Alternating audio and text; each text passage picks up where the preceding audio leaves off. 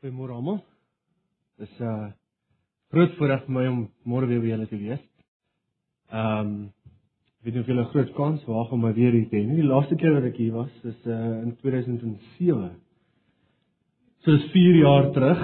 Ehm um, miskien het julle genoeg moed by mekaar geskraap om uh, my weer uit te nooi. Ehm um, ek was baie bly toe Jakobus my e-pos stuur en vra of ek beskik, beskikbaar is. Ehm um, want uh onthou baie goed die vorige keer wat ek by julle was en ek het dit ontsaglik geniet soos uh uh soos gesê het ek eintlik preek ek in Engels. Dis um dis nie my moedertaal nie, my moedertaal is Afrikaans, maar ek preek in Engels, my studies was in Engels en ek het net betrokke geraak in Engelse kerk en um uh weekliks preek ek in Engels. So uh Afrikaans is die moeiliker een vir my. Dit is moeiliker vir my om Afrikaans te preek. Dit sê dit of nie, maar uh, ek vertrou die Here dit sal uh wel my lippe solf en uh sal die boodskap na julle harte toe oordra soos wat hy dit na my hart toe oorgedra het. Um in my studie van hierdie teks gedeelte. Um ek vra dat julle net julle hoofde weer vir 'n oomblik saam met my buig soos die Here vra vir sy Heilige Gees om in ons te werk. Vader ons dankie um, vir hierdie wonderlike oggend wat ons weer in u genade die geleentheid het om as u kinders bymekaar te kom, Here, alhoewel ons of ek ten minste nie 'n persoonlike en diepte verhouding met hierdie mense het nie, Here, weet ek daar is 'n sterk band tussen ons want ons dien dieselfde Here. Jesus is ons God. Hy het ons harte verander en hy het ons saamgebind in in een liggaam. En daarom is die liefde wat ons vir mekaar het, Here, is is werklik alhoewel ons mekaar nie persoonlik ken nie. En ek dank U daarom vir die geleentheid wat ek het om U woord aan u kinders hier by Antipas in Pretoria te kan te kan bring en ek vra Here dat u gees sal werk. Dat u ons harte sal oopmaak dat wat ook al dit is wat ons gedagtes mag vul op op hierdie oomblik en waarmee ons besig wees, wat ons aan moontlik kan dink en wat hierdie dag verder inhou of wat die week verder inhou of die res van hierdie vakansietyd verder inhou, wil ek bid Here dat ons gedagtes gesluit sal word vir daardie dinge vir hierdie oomblik wat ons na u woord kyk. Dat die Gees sal kom en dit op ons harte sal lê. Dat ons dit sal verstaan en onsself sal verbly in die woord van die Here. Want u is in ons teenwoordigheid.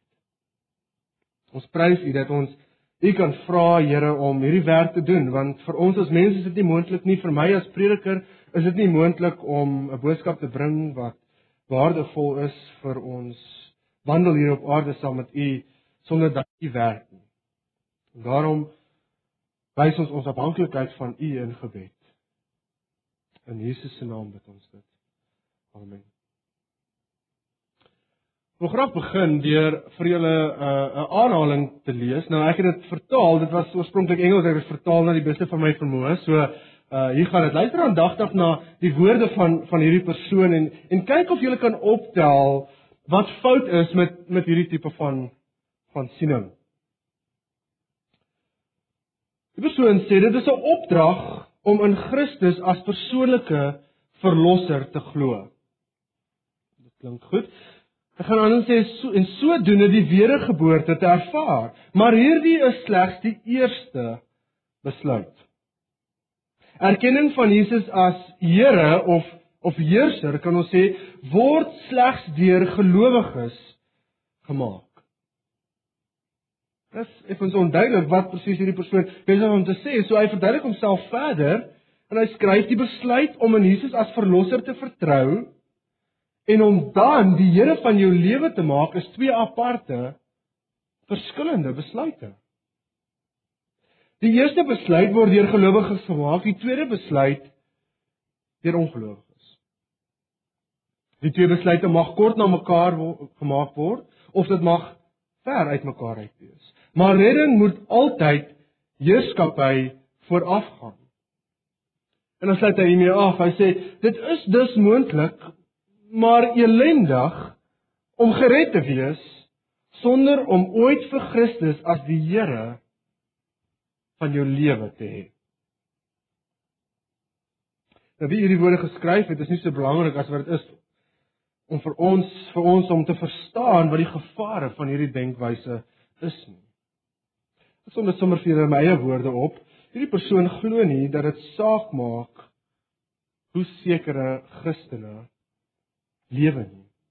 Solank hulle besluit gemaak het om Jesus as redder te te, te aanvaar.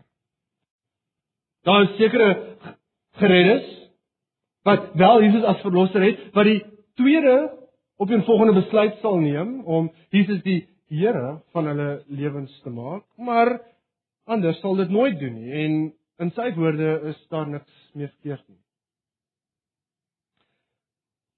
Nou ken 'n bietjie van die geskiedenis van hierdie kerk en hierdie gemeente om te weet dat sulke woorde nie pleis is by hulle nie. So 'n uh, 'n siening nie iets is waarmee jy gemaklik kan wees nie, want sien geliefdes, hierdie siening het absoluut niks te doen met wat die Bybel sê nie. Daar daar daar is talryke voorbeelde in die Nuwe Testament wat presies die teenoorgestelde leer van hierdie glo dit of nie populêre siening in die kerk vandag. En dis wat ek wil hê ons vanmôre moet doen. Ons moet fokus op een so voorbeeld om te sien wat die Here se siening is op dit. Uh ons gaan na Kolossense hoofstuk 2 om te kyk wat wat Paulus gesê het oor die onderwerp Kolossense hoofstuk 2 en ons gaan net twee kort eenvoudige versies neem en hulle studeer en en kyk wat God en Paulus se siening oor dit is of dit wel moontlik is vir ons om Jesus as redder en verlosser te hê, maar niks daarmee uit te waai wil hê dat hy ons lewens beheer en heers en wel vir ons sê hoe ons moet moet leef nie. Kolossense hoofstuk 2 vers 6 en 7. Ek lees dit vir ons. Paulus skryf: "Soos julle dan Christus Jesus die Here aangeneem het, wandel so in hom gewortel en opgebou in hom en bevestig in die geloof soos jy geleer is terwyl jy daarin oorvloedig is in danksegging. Nou die hoofgedagte in hierdie twee verse en in hierdie een sin werklik wat wat Paulus skryf is heel eenvoudig. Dit dis daardie konsep uh in ehm um, vers 6, daar aan die einde van vers 6 wat sê wandel so in hom. Alles anders wat wat wat voor dit is en alles anders wat wat na dit kom, het te maak met hierdie een opdrag wat Paulus vir ons gee. Julle moet wandel. Julle moet wandel. Dis dis letterlik wat dit sê en natuurlik onmiddellik kan ons besef net deur daardie woord dat die manier waarop Christene wandel saak maak. God gee om hoe ons lewe op aarde. As 'n sinoniem vir verwandel kan ons kan ons die woord leef daarin sit. Daar is 'n spesifieke manier waarop Christene moet leef. Net die woord wandel in sigself dui dit aan. Wandel beteken daar is daar's beweging. Daar's 'n spesifieke rigting waarheen ons gaan. Daar's daar, daar's vordering wat gemaak word. Dit dit alles is opgesluit in die woord wandel self. Jy sien die Christen lewe is nie soos soos hierdie persoon wie se aanhaling in die begin gebruik het, uh vry om vir homself te besluit of of hy maar net kan terugsit en sy lewe kan lei soos wat soos wat hy wil nie. Paulus stem hoegenaamd nie saam met so 'n siening nie. Hy is baie duidelik. Hy sê die Christen kan nie bloot wandel soos hy wil nie. Ons wandel is 'n spesifieke wandel En daai wandel sommer op deur te sê dit is in Christus. Ons wandel is in Christus. Dis die hom na wie daar verwys word aan die einde van vers 6. Christus Jesus die Here wandel in hom. Nou, dis nie net bloot 'n goeie teologiese stelling daai nie. Die die die vraag is wat beteken dit prakties? Hoe lyk dit in 'n persoon se lewe? Dit is wat ons vandag in hierdie teks wil ontdek. Nou nou voor ons dit doen, wil ek graag julle aandag daarop vestig dat dit nie die eerste keer is wat Paulus hierdie tipe van idee oorbring in in hierdie selfde brief nie. In, in hoofstuk 1 het hy alreeds hierdie saadjie by die gelowiges geplant. Julle kan gerus kyk na hoofstuk 1 vers 10 waar uh waar Paulus begin deur te sê sodat julle waardiglik voor die Here mag wandel. Hy sê dit in uh, as deel van sy gebed wat hy vir hierdie gelowiges bid. Ons het nie tyd om sin te gaan en die hele konteks daar te kyk nie. So ek gaan dit bloot vir julle opsom wat hy daarmee bedoel in in daardie konteks hoofstuk 1 uh, is is tweevoudig. Hy sê hierdie waardige wandel gaan daaroor om die wil van die Here te verstaan. Dis vers 9 wat voor dit kom. En dit gaan daaroor om in die wil van die Here op te tree. So dis so dis tweevoudig. Die verstaan van die wil van die Here. Met ander woorde, wat ons glo van God en wat hy aan ons openbaar gemaak het. En tweedens, die die wandel, die die loop, die die uitleef, die die die optrede van daardie persoon wat dit glo. Jy sien, die die twee gaan altyd hand aan hand. Nie een van ons tree op sonder dat ons iets glo nie. Ons is gelowig. In ons natuur is ons gelowige mense. Almal is. Selfs ateëste is, is gelowige mense. Alles wat hulle doen in hierdie lewe, doen hulle omdat hulle iets glo. Dit is onmoontlik om die twee van mekaar te skei. En Paulus bind dit ook saam deur te sê, wanneer jy glo in in in in in God en die wil van God, dat dit waar is, gaan julle op 'n sekere manier optree. Gaan julle lewens op 'n sekere manier gelei word. Dis die punt wat hy alreeds gemaak het. Dit is die saadjie wat alreeds geplant is en wat alreeds by hierdie gelowiges vlam moes vat. In die tyd wat hulle by Hoofstuk 2 vers 6 en 7 uitkom.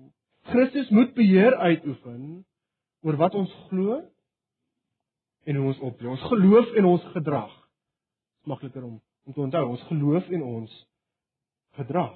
Ons kan nie buite sy wil wandel nie. Ons kan nie glo wat ons wil nie. Christus moet die middelpunt van ons lewens wees. En dis die punt wat Paulus nou verder op uitbrei hier in ons 2 vers 6 en 7.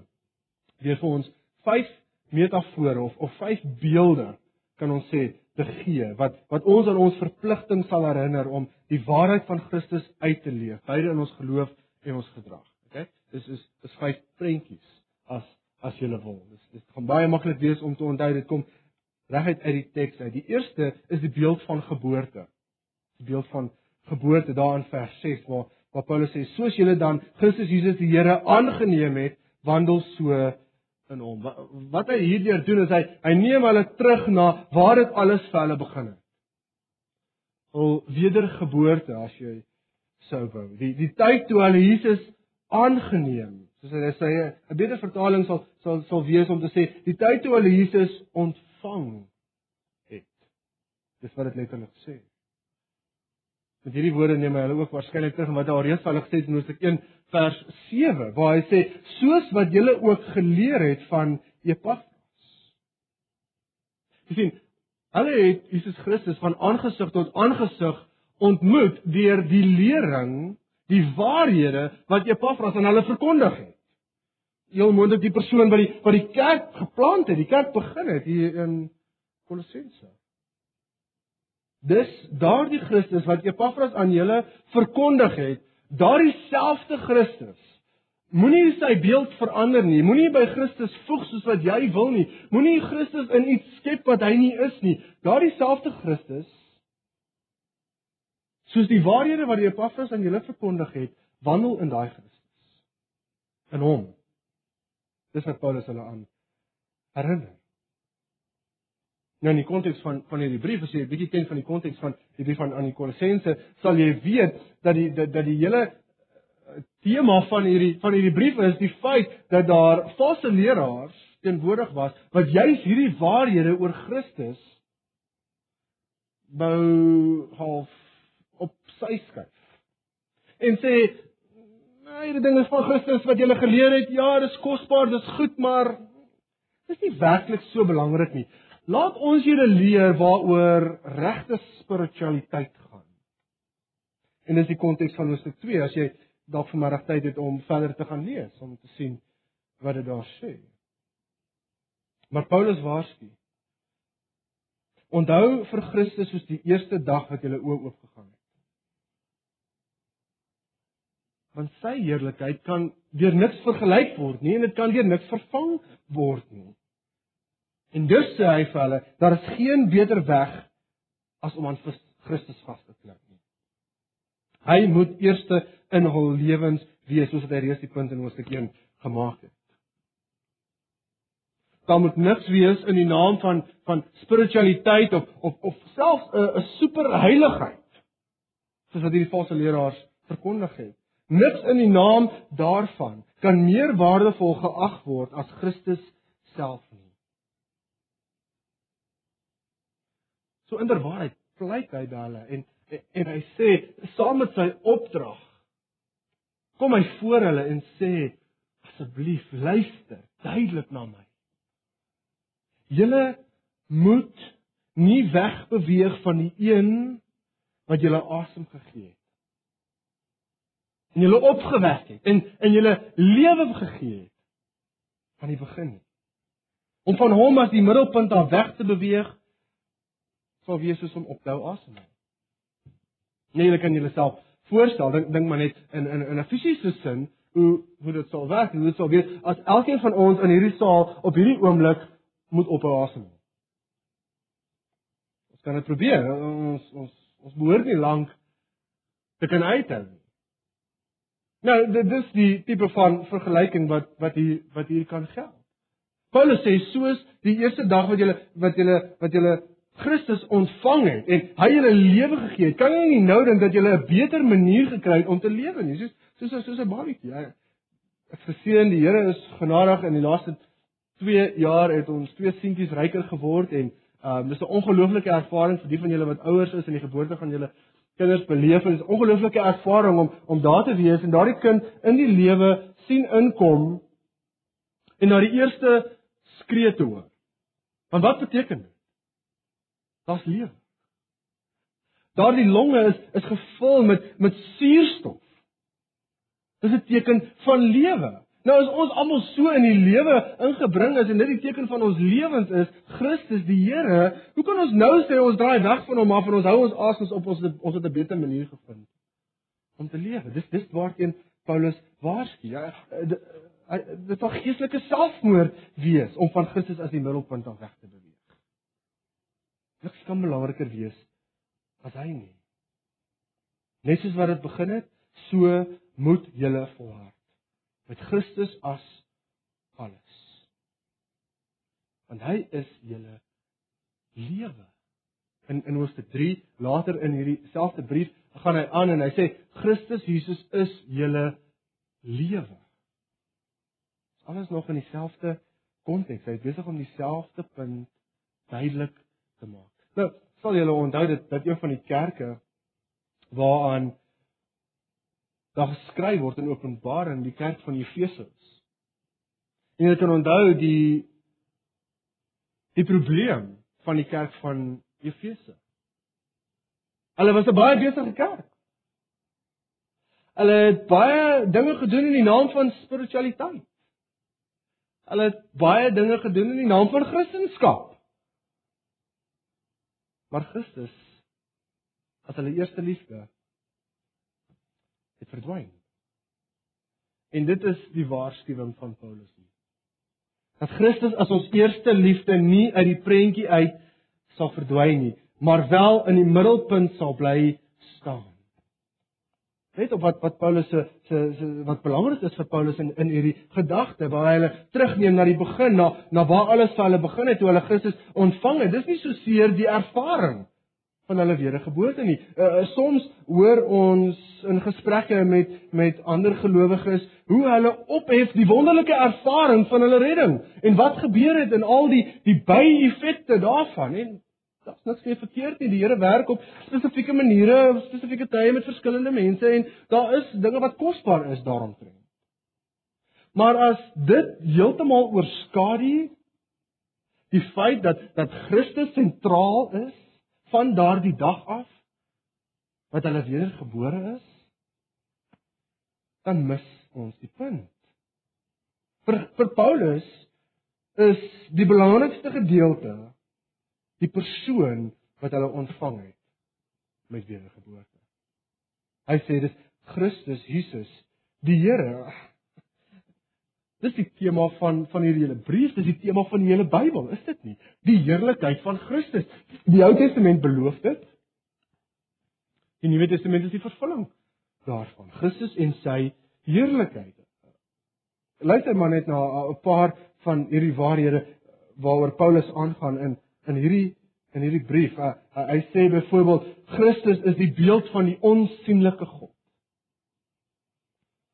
In Christus woon die ganse volheid van God. Christus is die enigste hoop vir verlore sondaars om met God verenig te word. Hy is die mense volkomme rykdom.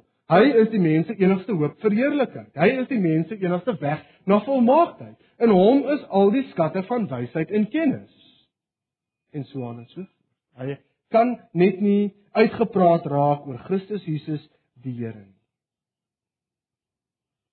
kan ons geen fout maak nie. Selfs in daardie klein frase, daardie klein stelling, Christus Jesus die Here, is daar so baie waarhede oor ons verlosser. Letterlik lees dit, dis interessant. Letterlik lees dit, daar's daar's twee bepalende lidwoorde hier. Letterlik is dit die Christus Jesus die Here. Ek dink Paulus wil 'n punt maak. Hy sê die Christus Jesus die Here. Ons sê sommer enige persoon hier nie. Dis die Christus Jesus, die Here en dit is die een wat jy ontvang het. Nou Christus is die bepalende term in hierdie klein frase en dit verwys na na al die wonderlike titels van Messia wat ons sien in die Ou Testament en al sy glorie, die gesalfde een, die verlosser, die profeet, die priester, die die koning, die wonderlike raadsman, magtige God, ewige Vader, prins van vrede sommer 'n paar 'n paar te neem. Jy sien wat Paulus sê is alles wat hy beloof was om te wees. Dit is hy. Hy stel nie te leer op een enkele punt nie. Hy is die Christus. En wat hy dan doen om te sê Jesus die Here, brei hy verder uit oor wie hierdie Christus is. Hy is Jesus, die historiese persoon wat hier op aarde gewandel het vir 30 jaar. Hiermee bevestig Paulus Jesus se se ware en volmaakte menslikheid. In die realiteit van sy van sy bestaan, sy lewe, sy afsterwing, sy sy opstanding. Die man Jesus lewe. En elke Christen het hom as lewende werklike persoon ontvang.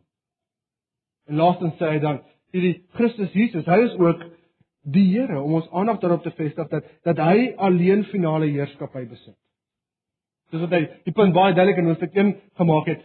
Hy aan hom behoort alles en hy is bo alles en hy heers alles en hy is eerste in alles. Dis die dingetjie wat Paulus in hoofstuk 1 oor en oor sing. En hy is nie nie net nie net Here nie. Hy is nie net maar nog 'n heerser nie. Hy is nie maar net 'n 'n 'n sekondêre heerser onder onder God die Vader nie. Nee, hy is die Here. Die een wat oor alles heers. Dan sê Paulus as hierdie die Jesus is wat jy ontvang het, dan moet jy lewe mos daarvan getuig dat jy aan hom onderdanig is. Julle wandel moet in hom wees. Dit kan nie anders nie. Ons het geen ander keuse nie. Die persoon van Christus self vereis dit. En dis die belangrike punt. Hier is wat ons wat ons moontlik kan help. Soos wat ons daarna streef om om meer en meer in in Christus te wandel. Weer is hierdie hierdie is nie net 'n teologiese stelling nie. Dit is nie net 'n doktrinale uitlating nie. Wat Paulus hier sê het te doen met 'n persoon. 'n lewende werklike persoon. Want sien doktrinale stellings in op sigself kan niemand se lewe beheer nie. Al die teologie in die wêreld kan dit nie doen nie. Dit kan niemand motiveer om waaraglik voor God te wandel nie. Ons kan soveel kennis van die woord van God hê as wat ons wil. As daardie kennis nie te doen het met 'n persoonlike verhouding met Jesus Christus nie, beteken dit vir ons niks. Hierdie lewende persoon wat ons lewe gegee het, is 'n onewenaarbare geskenk. En die punt is ons moet dit bewaar met ons alles. Dit is so met alle skatte in hierdie lewe, is dit nie? As ons iets het wat kosbaar is, dan moet ons dit bewaar met met 'n groter intensiteit. Want ons kan nie, ons wil nie daardie een ding verloor nie. En hoe meer waarde daarin is, hoe gevaarliker is dit om dit te verloor, is dit nie? Hoe meer moet ons dit beskerm? Liefdes om in Christus te wandel beteken om op jou hoede te wees sodat niks en niemand jou kan mislei om iets anders as meer waardevol te beskou as die Christus Jesus die Here.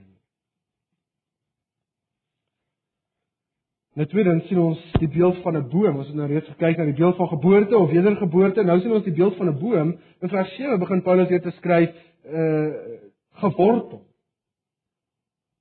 baie duidelik die beeld van 'n boom, dis die prentjie wat onmiddellik in ons koppe kom wanneer ons die woord gewortel lees en die, die idee is die standvastigheid van die wortels in die grond. Dit dit word nie maklik ontwortel nie. Die grond waarin Christene gewortel is, is Christus. Christus is daardie grond, daardie in hom in in vers 7 wat later kom uh, geld beide vir die gewortel en die opgebou in hom. Ons is gewortel in hom en ons is opgebou in hom. Christus is die grond van ons wortels en as Christene word ons nie maklik ontwortel van hierdie voedingsryke grond van Christus nie. As jy eers daar is, as jy eers daardie grond gesmaak het en en en en die waarde van daardie grond gesmaak het, dan bly jy net daar. Jy bly net daar. Ek het in my gedagtes en uh het net opgekom hierdie grootste bome wat ek nog ooit gesien het, seker as groter is, maar hierdie groot kremataartbome op in die noorde van van van ons land, as ek terug op 'n op 'n uh op 'n um, uitstap hier na die rigting en ons het daardie bome weer gesien en dis dis ongelooflike groot bome ek ek moet uh ek moet erken ek weet nie baie van hulle wortelstelsels nie maar vir my lyk dit of hulle nogal redelik nogal redelik stewig staan om om daardie gewig uh, te te kan dra. En dis my prentjie. Ons kan nie ons kan nie bloot klein plantjies wees met met met sagte ou worteltjies wat hier en daar 'n bietjie grond gevat het wat ons wat wat iemand kan kom en ons maklik kan verwyder uit daardie grond uit en ons erns gaan anders gaan plant nie. Nee, ons moet soos hierdie kremataartbome wees. Wat weier om te beweeg, want hierdie grond waar ons staan is waar ons wil wees. Ons voel tuis hier. Niks en niemand gaan ons skuif nie. Ons is gewortel, vas gemessel. In Christus het ons alles en meer wat ons nodig het. Ons moet in hom gewortel bly. Die nuutste gier daar buite wat beloof om ons soveel meer te bied as Christus is vals. Dit mag selfs kom in die naam van Christendom. As dit nie Christus is nie. Speel dit tweede viool. Dit kan ons nie meer bied nie. En daarom kan ons nie rondval van die een ding na die ander nie. Ons kan nie aanbeweeg van Christus op enige manier op enige tyd nie. Hy moet die middelpunt bly, die sentraal 'n deel van ons lewe wees. Skien hulle 'n illustrasie. Die punt nog verder vir julle tuis bring. 'n uh, 'n uh, 'n vriend van my, se pa wat 'n wat wat 'n skilder is, het 'n tydjie gelede uh, 'n man en 'n vrou, 'n getroude paartjie gehad wat na hom toe gekom het en en hom gevra het om asseblief 'n skildery van hulle te skilder. Ehm um, waar hulle twee langs langs langs mekaar is, hulle hulle gesigte. Ehm um, uit die uit die werk gedoen, hulle was baie hulle skik, hulle het hom betaal vir vir die skildery en en hulle is hulle is daar weg. Maar net 'n paar maande later kom klop die man weer aan aan aan sy pa se deur. Skildery onder die arm. Dog wat gaan nou hier? Is hy nie meer tevrede met die skildery nie? Is hy nie uh is die werk nie meer goed genoeg vir hom nie? Wat wat gaan aan?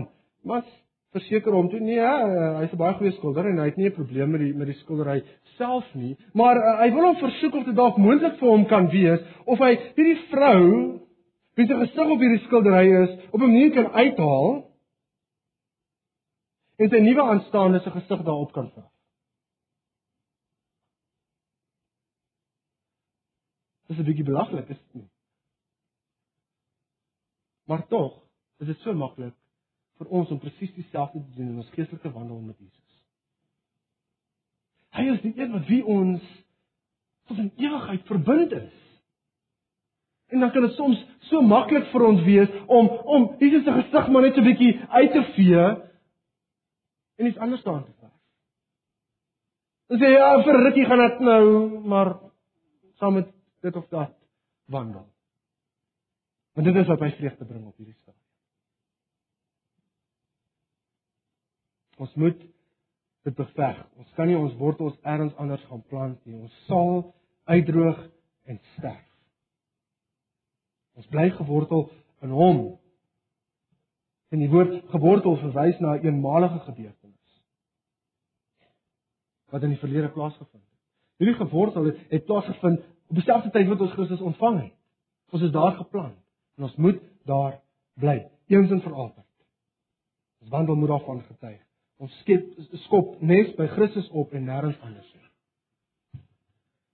Dan die derde beeld wat ons hier sien. Is die beeld van 'n gebou. Jy het seker al self uitgewerk die beeld van 'n gebou, ehm um, waar Paulus sê en opgebou in hom. Waar die gewortel verwys na 'n eenmalige gebeurtenis in die in die verlede ver, verwys hierdie gebou na 'n aanhoudende proses wat plaasvind. Met ander woorde hierdie opbou vind plaas vanaf die oomblik wat jy Christus Jesus ontvang het en in hom gewortel is. Dit kan nie anders nie. As jy in Christus is, dan gaan jy groei. Nou, dis dis seker so dat dit nie vir almal op dieselfde manier en teen dieselfde tempo plaasvind nie. Maar die punt is daar moet iets gebeur. Daar moet een of ander vorm van van opbouing plaasvind oor tyd. Nou nou weet ons almal baie duidelik, dit is die dis die norm vir vir gebou wat opkom. O, ons sien nie merkwaardige verandering in kort tydjies nie. Dit is oor 'n lang proses, oor oor 'n tydperk. Uh, geen een van ons het al wakker geword in die oggend en langs ons gekyk en en hier is hierdie wolkekrabber langs ons huis nie. Gister was daar niks. Dit dit gebeur nie. Dit is nie die norm nie. Dit gebeur nie so nie geboue kom nie so vinnig op nie. Die norm is liewer dat dit oor tyd plaasvind. Bietjie vir bietjie vir bietjie word daar opbouing en opbouing en opbouing gedoen en op die einde van die dag sit jy met 'n wonderlike gebou. Stadig oor tyd vind vordering plaas. Soms vind daar selfs vordering plaas op op 'n manier wat wat ons nie kan sien nie. Stel jouself voor die die tye wat elektriese bedrading in 'n huis gedoen word vir 'n geruime tyd sal jy dink daar word niks gedoen aan daardie bouwerk. Maar tog is dit 'n sentrale deel van wat daardie gebou maak wat dit eendag gaan wees. Ons sien dit dalk nie. Maar die bouer is besig met sy plan. Dis 'n werking.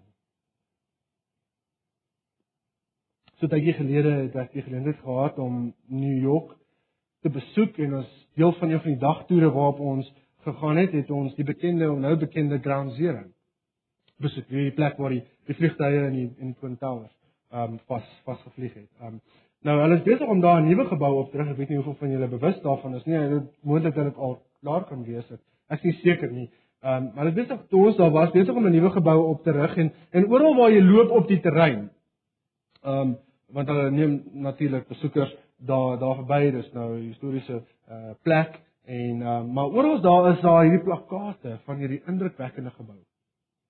Dis dis die planne van die gebou wat hulle daar gaan gaan oprig en dit gaan 'n boodskap stuur. Ons rede hoekom hulle daardie spesifieke gebou daar gaan plan. Uh die boodskap wat hulle uitstuur is dat Amerika sterk staan en dat hulle nie oorwonne is nie. Naam van daardie gebou gaan die Freedom Tower wees. Nou toe ons daar was, dis so 20 2010 April 2010 uh, was dit maar nog net 'n paar verdiepings hoog en dit was maar net die die die raamwerk en, en ek belowe julle dit het nie nog veel gelyk nie.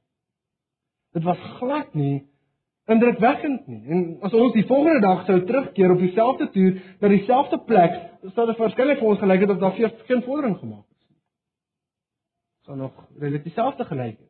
Maar Maar ons is verseker deur die belofte wat in toon gestel word op al die plakate rondom ons, dat soos wat die weke en die maande en self jare verbygaan, sal hierdie gebou opgerig word en hy sal meer en meer indrukwekkend word tot hy uiteindelik voltooi is. Dit is ook so dat daar soms struikelblokke in 'n in 'n bouproses opduik, uh, uitdagende en frustrerende tye wat ervaar word waar waar dinge nie werk soos wat jy wil hê dit moet werk nie en nie gaan soos wat jy wil hê dit moet gaan nie. Wel, een interessante brokkie inligting wat ons toegids met ons gedeel het was dat soms terwyl hulle hierdie werk doen met hulle gate grou vir verdere fondasies en soos dit hulle hierdie gate grou, kom hulle op gebeendere af. En dan moet al die bouwerk onmiddellik stop.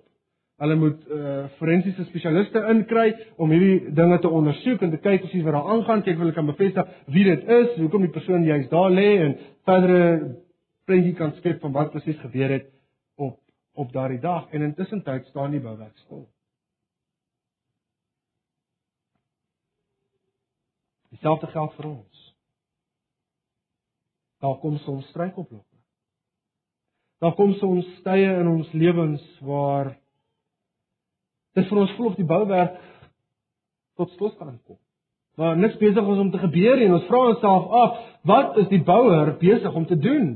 Waar is God? Hoekom werk hy nie met my nie? Hoekom sien ek nie soveel vordering in myself as wat ek graag sou wou nie? En een ding is seker. Daar is 'n prentjie geskep en daar's 'n belofte verbonde aan daardie prentjie dat God besig is om ons op te bou en die uiteindelike prentjie is iets ongelooflik. Sien hierdie is ongelooflik bemoedigend vir ons. Ek weet dit is vir my want wanneer ons na onsself kyk lyk ons nie na veel nie. Sien 'n klein groepie mense wat aangaan daagliks van dag tot dag die Here dien so goed as wat ons kan en bietjie vordering hier en daar, bietjie lig hier en daar. Stilstand hier en daar. Ons verstaan nie altyd wat die Bouer besig is om aan te vang met ons nie, maar wat ons wel weet, is eendag as hy klaar is met ons. Eendag as hy klaar is, gaan ons een indrukwekkende Hy beloof dit. Ons sal soos Jesus wees. Hy sê vir ons in Filippense 1:6 want hy wat die goeie werk in jou begin het, sal dit volbring tot aan die dag van ons Here Jesus Christus. Dis 'n belofte, geliefde. Dis 'n belofte aan jou en dis 'n belofte aan my. Want Christus is nie in die besigheid van halfvoltooide geboue nie. En daarom lê hier ook 'n onvermydelike vraag. Wat net jy self moontlik kan antwoord, is daar bewyse in jou lewe? Struikelblokke en al, is jy besig op een of ander manier oor tyd om 'n gebou te ontwikkel wat waardig is van die fondasie van Christus waarvan jy getuig om van deel te wees? Of staan jy doodstil? As jy half voltooi is, is is is daar meer afbreekwerk besig as om aan te gaan as as opbouwerk. Seker julle het almal half voltooide geboue gesien. Dis nie 'n aangename besigheid nie. Dis seker nie aangenaam vir die vir die vir die oog nie. Um in my skoonouers se buurt 'n uh, 'n uh, uh, redelike goeie buurt met met baie mooi uh huise en en en, en eiendom in in daardie buurt is daar op die hoek van die straat hierdie een stuk erf waar vir solank as wat ek kan onthou ten minste vandat ek by my vrou begin kyk wat nou ten minste so 5 jaar terug is, indien nie bietjie vroeër al reeds toe ons net vriende was nie, staan hierdie stuk erf daar met hierdie halfgeboude gebou. Daar's 'n paar mure opgerig, daar's nie pleister op die mure nie. En in die 5 jaar wat wat ek van terug onthou het dit net agteruit gegaan. Daar's nie meer vensters nie, daar's nie deure nie, daar's nie eers meer 'n dak nie, die kakkiebos staan 'n meter hoog Daar's nie 'n buitenste muur om dit te beskerm nie. Dis 'n vernedering vir daardie hele gemeenskap. Niemand hou van daai stuk erf nie. Almal hoop iemand wil daai stuk erf koop en 'n ordentlike huis daar bou want dit wat hulle almal vernederd voel. Nou is die vraag: Is jy moontlik so vernedering vir Christus? en sy gemeenskap die kerk. Jare en geen vordering nie, eintlik net agteruitgang. Dis moontlik. En ek is verplig om jou te vra om ernstig en in diepte ondersoek in jou hart in te stel en jouself eerlik af te vra. Het ek werklik vir Christus ontvang? Is ek werklik in hom gewortel? Is hy, is hy werklik die middelpunt van my lewe, sentraal in alles? Dis moontlik dat jy maar net in die regte buurt rondhang. Jy kom kerk toe en is in die geselskap van ander gelowiges. Jy neem deel aan alles maar Christus. Is nêrens in jou hart te vind. Geen bouproses wat aan die gang is nie. Hy is nie die middelpunt van jou lewe nie. As dit jy is, kan alles vandag vir jou verander. Dis nie 'n gekompliseerde besigheid nie. Christus het dit vir ons maklik gemaak. Deur mens te word. God as mens in hierdie lewe in te kom. 'n Lewe te lei soos ek en jy, behalwe vir sonde. En in my plek en en en en jou plek. Te gaan sterf. En en die woede van God op homself te neem sodat jy nie hoef nie. En al wat jy moet doen is jou sondigheid erken en dit sien. Na Jesus toe dra. Besef hy is die enigste verlosser, jou enigste hoop in Christus alleen, deur sy genade alleen, in geloof alleen kan ek met God verenig word. Dit kos jou niks. en dit kos jou alles. Sat. Is jy bereid om weg te draai van van 'n lewe waar waar Christus aanhoudend vervang is met ander dinge? En besef dat hy alleen as die middelpunt van jou lewe jou die vervulling kan bring waarna jy so smag. Hy is jou enigste hoop. Kom net soos wat jy is. Daar's niks wat jy eers hoef af te handel nie. Daar's niks waarvoor jy eers voorsiening hoef te maak nie, net soos wat jy is. Want Christus sê hy het in die wêreld ingekom vir sondaars om hulle te red. Dan van die geboorte na die boom na die gebou nou na die skool en die laaste twee is is redelik kort. Ons gaan na die skool van alle plekke waar ons is is gepas vers 7 gaan aan hier te sê en bevestig in die geloof soos jy geleer is. Daardie woord bevestig verwys na aanhoudende versterking. Mense kan sê om meer standvastig te word in iets. Nou waarin wat is hierdie iets waarna ons meer standvastig te word? Wel die die teks is baie duidelik daar in vers 7 om meer standvastig te word bevestig te word in die geloof soos jy geleer is. Nou geloof hier is is is, is nie die subjektiewe uh vorm daarvan as as vertroue iets wat ons doen ons geloof in Christus nie uh ons ons ons ons werkwoord nie maar meer die objektiewe stelling van van uh die waarhede wat ons glo. Die liggaam van van waarhede ons teologie kan ons sê om die punt op te som die waarhede soos wat die Bybel dit dit weergee. Die punt is dat daar gereelde groei moet wees in 'n dieper en dieper bevestiging van hierdie kosbare Bybelse waarhede. Dit maak met ons met ons onderrig as Christene. Ons moet aanhou leer en en leer nie net vir die vir die vir die vir die voordeel van leer en kennis nie, maar leer hoe hoe ons al hierdie kennis verbind met Christus en ons persoonlike verhouding met hom en hoe dit ons persoonlike verhouding met hom versterk sodat ons wandel in hom sal wees. Dit, liewe vriende, is 'n lewenslange proses. Solank jy ook al mag lewe, dis hoe lank dit jou gaan vat.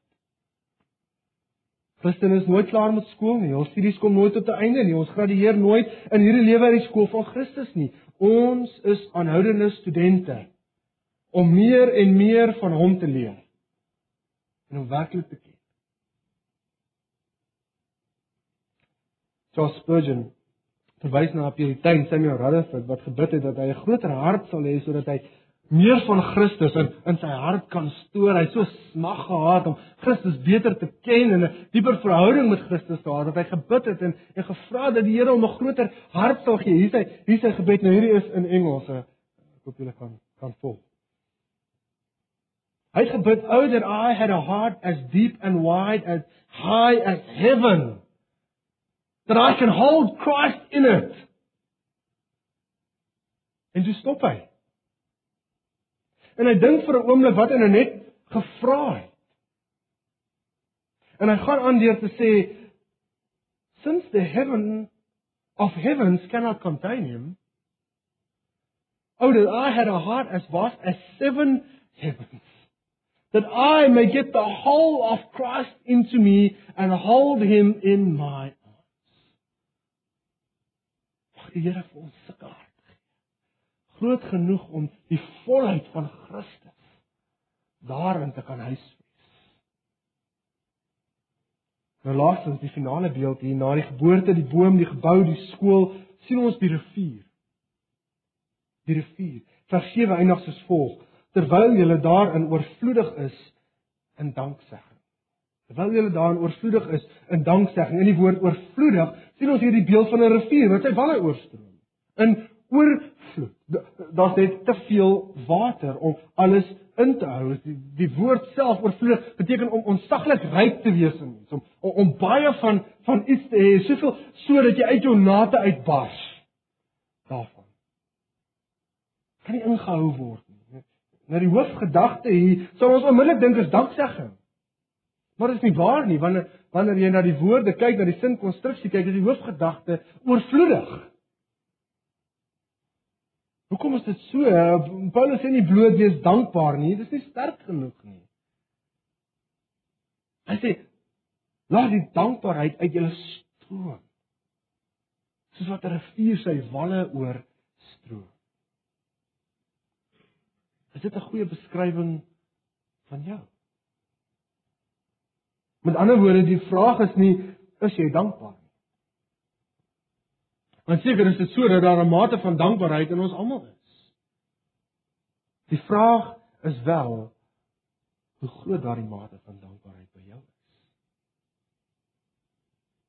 Nou, waarom is Paulus se woorde so so ernstig hierso? Waarom is dit van so uiterste aard?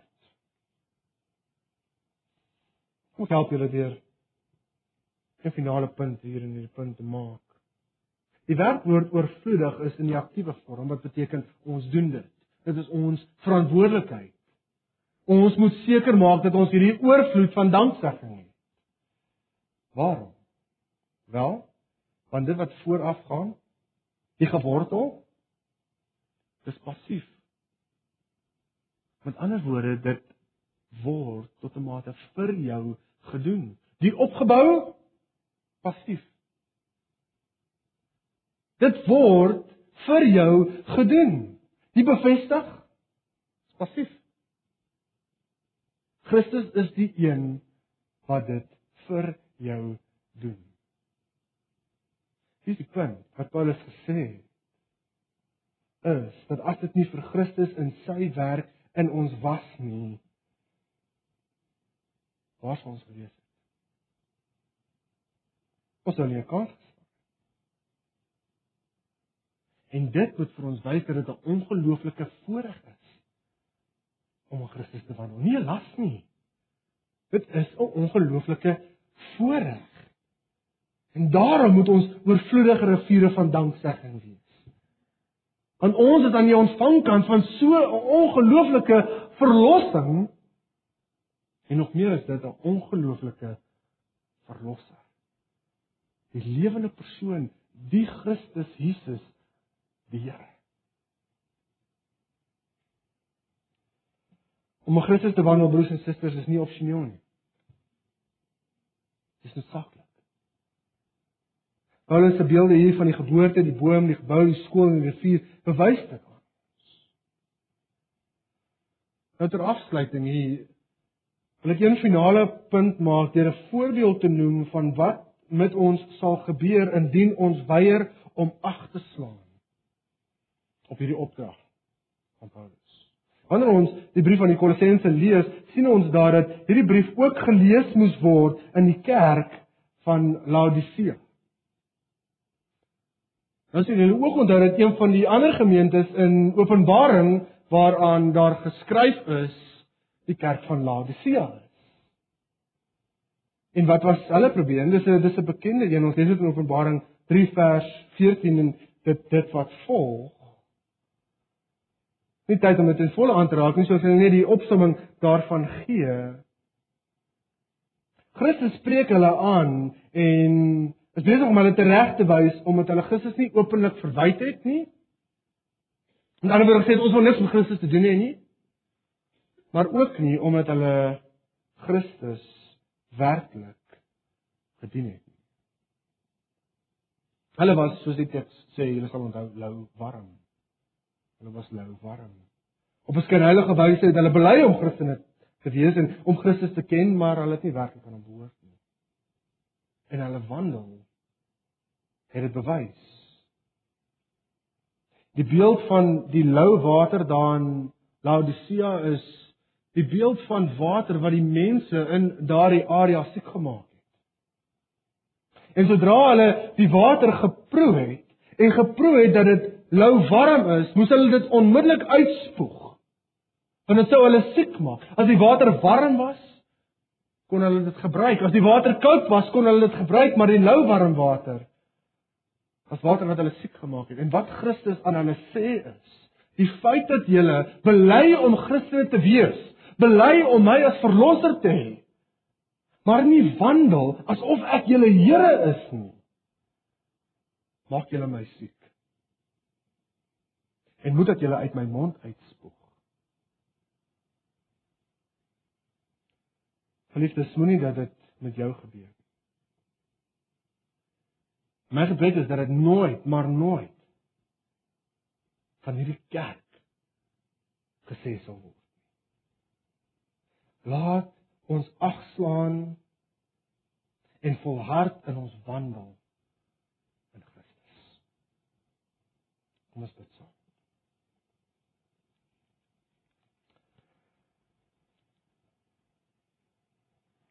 Vader, ons weet dat hierdie woorde vir sommige van ons baie harde woorde is. Sommige van ons voel asof U ons vanmôre aan die bors gegryp het en ons nader aan U getrek het, ons in die oë gekyk het en vir ons gesê het: "Ruk jouself reg." En Vader, indien dit die geval is, wil ek pleit dat U genade genoeg sal wees vir ons. Want in onsself kan ons dit nie doen nie. Here, ek wil bid indien daar enige persoon in hierdie saal is wat U nie werklik ken nie. En U nie werklik as die middelpunt van hulle lewe het nie, nie werklik gered is nie. Ten spyte van wat hulle bely. Here, dat U hulle harte aan hulle sal openbaar en hulle aan nader aan U sal trek, dat hulle onder U onderdanig sal wees en dat U die middelpunt van hulle lewens sal word. Red, Here, want dit is die rede waarom U na aarde toe gekom het en gesterf het aan daardie kruis en opgestaan het vir sondaars om gered te word. Dankie Vader vir u woord en dat dit so toepaslik is vir ons lewens en so bemoedigend vir ons. Ons prys U daarvoor in Jesus Christus se naam. Amen.